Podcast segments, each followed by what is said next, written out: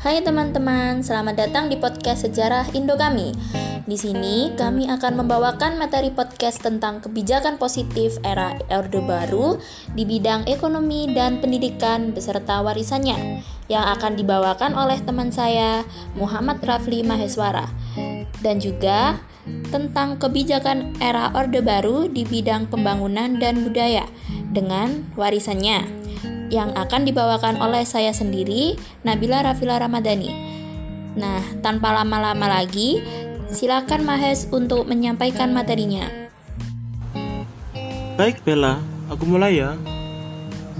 Pada pertengahan tahun 1960-an, kondisi ekonomi Indonesia telah mencapai keadaan yang sangat buruk.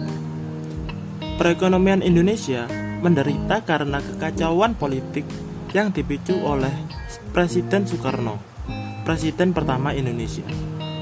Masalah-masalah ekonomi tidak menjadi perhatian utama bagi Soekarno yang menghabiskan masa hidupnya untuk berjuang di arena politik. Beberapa contoh dari kebijakan-kebijakannya yang memberikan dampak negatif pada perekonomian adalah pemutusan hubungan dengan negara-negara barat dan karenanya mengisolir Indonesia dari ekonomi dunia dan mencegah negara ini dari menerima bantuan-bantuan asing yang sangat dibutuhkan. Dan defisit spending melalui pencetakan uang yang menyebabkan hyperinflasi yang berada di luar kendali. Namun, setelah Soeharto mengambil alih kekuasaan dari Soekarno di pertengahan 1960-an, kebijakan-kebijakan ekonomi mengalami perubahan arah yang radikal. Pembangunan ekonomi Indonesia selama pemerintahan Orde Baru Soeharto bisa dibagi dalam tiga periode. Setiap periode dikenali dengan kebijakan-kebijakan spesifiknya yang ditunjukkan untuk konteks ekonomi spesifik. Um, periodenya apa aja ya kalau boleh tahu? Periode-periode ini adalah yang pertama, pemulihan ekonomi pada tahun 1966 hingga tahun 1973. Yang kedua, pertumbuhan ekonomi secara cepat dan interventasi pemerintah yang semakin kuat pada tahun 1974 hingga 1982. Yang ketiga, pertumbuhan didorong oleh ekspor dan deregulasi pada tahun 1983 hingga 1996 kebijakan ekonomi pada masa Orde Baru.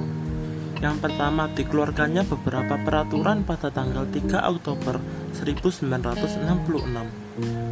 Kebijakan ini dapat dijabarkan sebagai berikut. Menerapkan anggaran belanja berimbang. Fungsinya adalah untuk mengurangi salah satu penyebab terjadinya inflasi. Menerapkan kebijakan untuk mengekang proses ekspansi kredit bagi usaha-usaha sektor produktif seperti sektor pangan, ekspor, prasarana, dan industri. Menerapkan kebijakan penundaan pembayaran utang luar negeri serta berusaha untuk mendapatkan pembiayaan atau kredit luar negeri baru. Menerapkan kebijakan penanaman modal asing untuk membuka kesempatan bagi investor luar untuk turut serta dalam pasar dan perekonomian Indonesia. Yang kedua, dikeluarkannya peraturan 10 Februari tahun 1967 tentang persoalan harga dan tarif. Yang ketiga, dikeluarkannya peraturan 28 Juli 1967 Kebijakan ini dikeluarkan untuk memberikan stimulasi kepada para pengusaha agar mau menyerahkan sebagian dari hasil usahanya untuk sektor pajak dan ekspor Indonesia. Yang keempat, menerapkan Undang-Undang Nomor 1 Tahun 1967 tentang penanaman modal asing. Yang kelima, mengesahkan dan menerapkan RUU APBN melalui Undang-Undang Nomor 13 Tahun 1967. Yang keenam, pemerintahan Soeharto juga menerapkan kebijakan ekonomi yang berorientasi luar negeri, yaitu dengan melakukan permintaan pinjaman dari luar negeri. Yang ketujuh, Indonesia juga tergabung dalam institusi ekonomi internasional seperti International Bank for Reconstruction and Development atau IBRD, International Monetary Fund atau IMF, International Development Agency atau IDA, dan ASEAN De Development Bank atau ADB. Wah, ternyata banyak juga ya kebijakan-kebijakannya. Oh ya, Hes, apa ada dampak kebijakan ekonomi pada masa Orde Baru? Ada kok. Dampak kebijakan ekonomi pada masa Orde Baru dapat dijabarkan sebagai berikut. Yang pertama, pertumbuhan ekonomi yang tinggi. Karena setiap program pembangunan pemerintah terencana dengan baik dan hasilnya pun dapat terlihat konkret. Yang kedua, Indonesia mengubah status dari negara pengimpor beras terbesar menjadi bangsa yang memenuhi kebutuhan beras sendiri atau swasembada beras. Yang ketiga, angka kemiskinan yang diikuti dengan perbaikan kesejahteraan rakyat. Yang keempat, penurunan angka kematian bayi dan angka partisipasi pendidikan dasar yang semakin meningkat. Yang kelima, GDP per kapita Indonesia yang pada tahun 1968 hanya 70 dolar Amerika Serikat dan pada tahun 1966 telah mencapai lebih dari 1000 dolar Amerika Serikat. Setelah proklamasi kemerdekaan Indonesia tanggal 17 Agustus tahun 1945, maka perubahan-perubahan tidak hanya terjadi dalam bidang pemerintahan, tetapi juga dalam bidang pendidikan. Oh, begitu ya.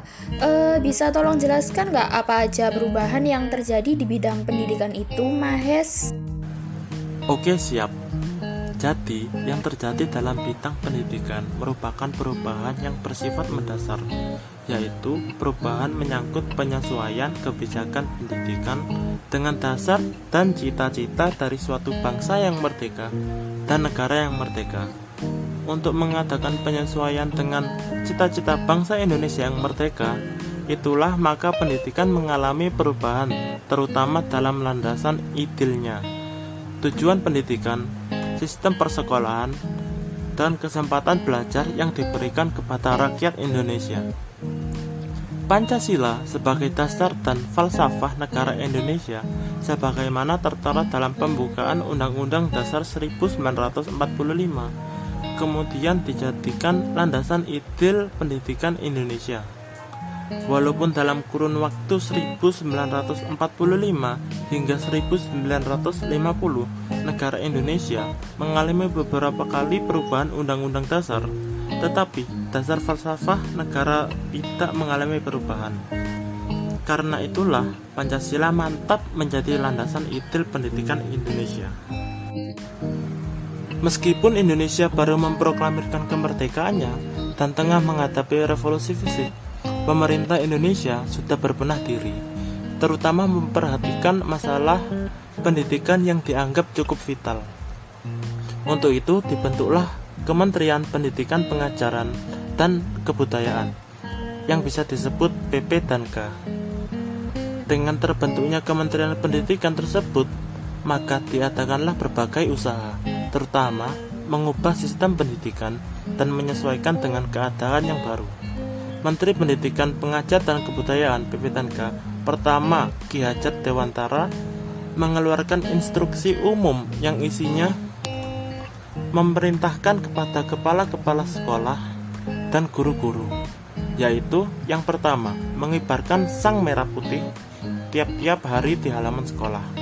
Yang kedua melakukan lagu kebangsaan Indonesia Raya. Yang ketiga menghentikan pengibaran bendera Jepang dan menghapuskan nyanyian Kimi Gayo lagu kebangsaan Jepang. Yang keempat, menghapuskan pelajaran bahasa Jepang serta segala upacara yang berasal dari pemerintahan bala tentara Jepang. Yang kelima, memberi semangat kebangsaan kepada murid.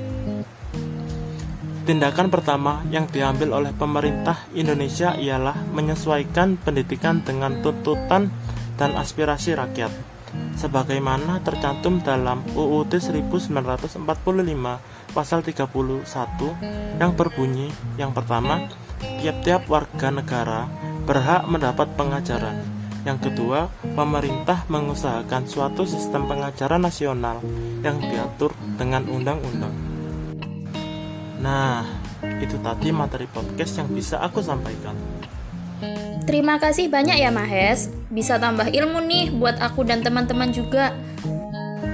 Sekarang giliran kamu nih yang bawakan materinya. Ayo silahkan Bel. Oke oke, aku mulai ya. E, jadi di sini aku mau bawakan materi tentang kebijakan pembangunan dan budaya di era Orde Baru dan juga warisan-warisannya. Praktik pembangunan dan perencanaan pembangunan di Indonesia dalam periode Orde Baru tidak terlepas dari pengaruh Keynes dan developmental state ala Asia. Sebagaimana praktik di negara-negara Asia, pembangunan di Indonesia pada masa Orde Baru mengikuti model developmental state. Model ini tidak mempunyai komitmen pada rezim dengan tipe tertentu, apakah itu otoritarian ataupun demokratis. Ada satu hal nih yang sangat menonjol dalam masa Orde Baru, yaitu perencanaan pembangunan yang sangat terpusat di Jakarta. Nah, pada masa itu, Bappenas memegang peranan sentral dalam perencanaan pembangunan di Indonesia. Intinya, Bappenas jadi pemegang tampuk atau koordinator penyusunan kebijakan fiskal pembuatan kebijakan makroekonomi, serta berperan merancang anggaran negara atau APBN. Bahkan, semua hal penting yang menyangkut negeri ini boleh dibilang harus melalui penggodokan di markas besarnya yang berada di Taman Suropati. Nah, pada masa Orde Baru, pemerintah membuat beberapa kebijakan pembangunan nasional untuk mewujudkan tujuan nasional bangsa Indonesia yang terdapat dalam pembukaan UUD 1945 dengan berpedoman trilogi pembangunan, yaitu pemerataan pembangunan, pertumbuhan ekonomi, dan juga stabilitas nasional. Program ini diatur dalam GBHN atau Garis-Garis Besar Haluan Negara dalam Repelita, yaitu Rencana Pembangunan lima tahun, yang mana dalam pelaksanaan Repelita ini dilakukan dalam dua tahap, yaitu Pelita Pembangunan lima tahun dan Pembangunan Jangka Panjang selama 25 tahun. Pemerintah membuat kebijakan-kebijakan pembangunan nasional dalam berbagai bidang, di antaranya yaitu bidang pertanian, pendidikan, kesehatan, ekonomi, dan sosial. Boleh tahu nggak sih apa aja yang ada dalam Repelita itu, Bel? Boleh dong. Jadi gini, Repelita tadi memiliki pelita dan tujuannya masing-masing. Yang pertama yaitu Pelita 1 yaitu pada tanggal 1 April 1969 sampai 31 Maret 1974. Nah, tujuan pembangunannya yaitu ada dua. Yang pertama yaitu peningkatan taraf hidup masyarakat Indonesia dan yang kedua adalah fokus pembangunan di bidang pertanian, industri pertambangan, rehabilitasi dan perluasan sarana dan prasarana sosial. Setelah itu ada pelita 2, yaitu pada tanggal 1 April 1974 sampai dengan 31 Maret 1979.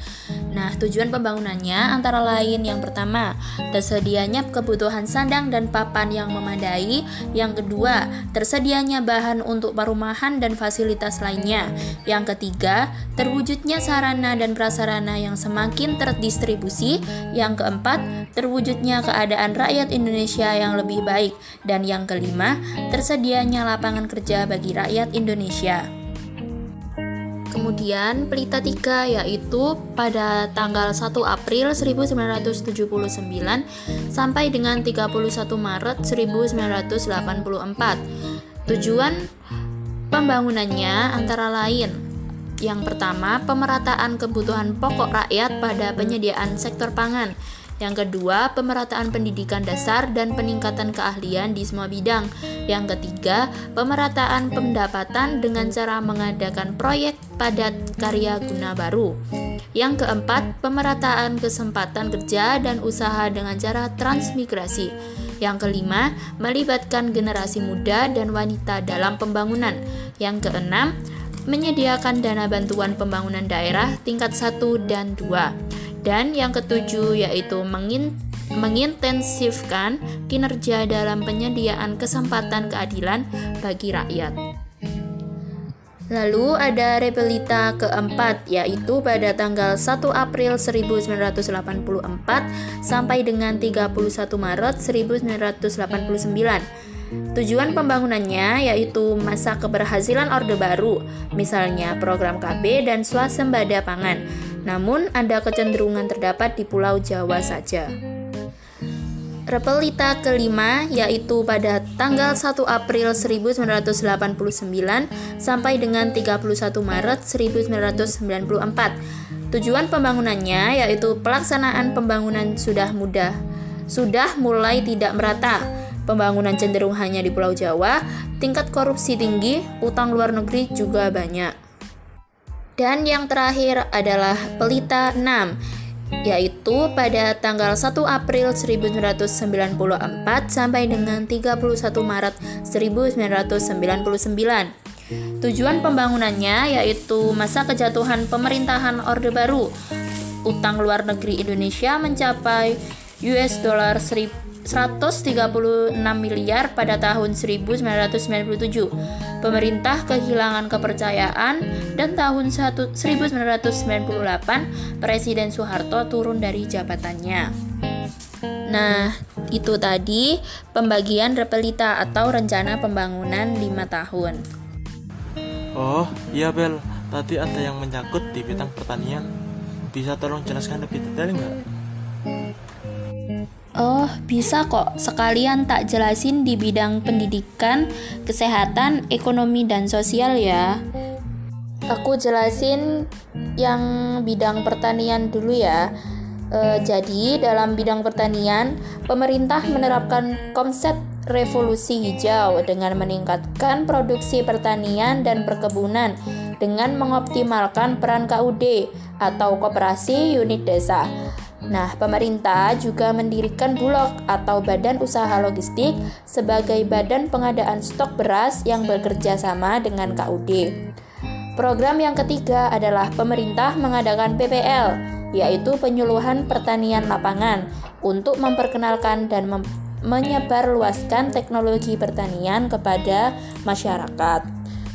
Lalu ada juga di bidang pendidikan, yaitu program pembangunan dibagi menjadi beberapa pelita. Pada pelita pertama, pemerintah memfokuskan pada pemberantasan buta huruf. Pada pelita 2, pemerintah melakukan usaha pemerataan pendidikan. Sedangkan pada pelita 5, pemerintahan mulai merintis program wajib belajar sampai tingkat SMP yang disebut wajib belajar 9 tahun. Selanjutnya di bidang kesehatan. Nah, di bidang kesehatan ini, pemerintah Orde Baru menjalankan beberapa program yang sampai saat ini masih dijalankan, yaitu program KB yang merupakan program yang bertujuan untuk menekan pertumbuhan penduduk, program puskesmas, dan posyandu di tingkat desa atau kelurahan.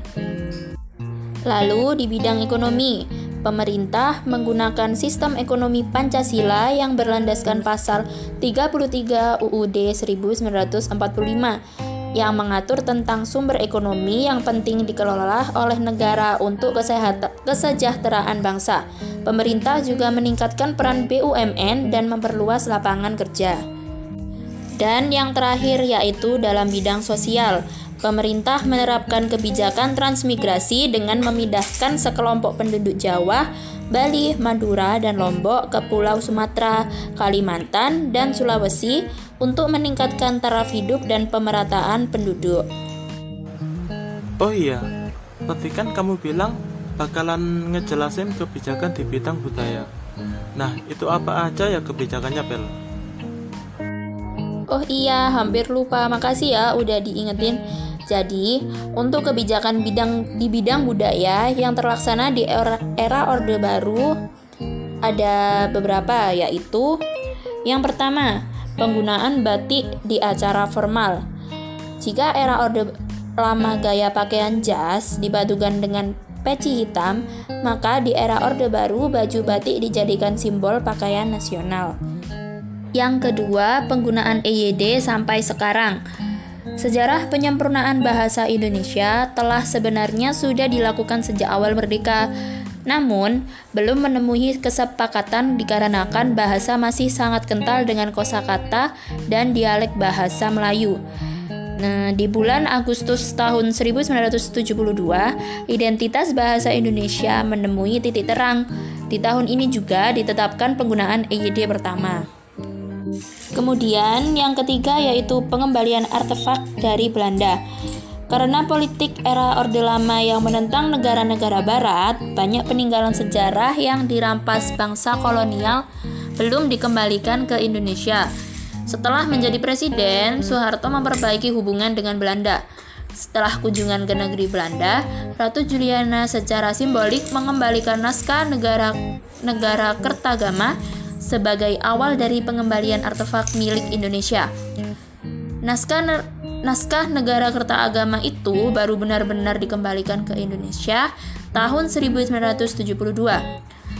Nah, di tahun 1977, pemerintah Belanda mengembalikan sejumlah benda budaya, antara lain Prajna Paramita, payung, pelana kuda, dan tombak dan tombak pangeran di Ponorogo serta 243 benda pusaka Lombok hasil invasi militer di Puri Cekra Negara tahun 1894.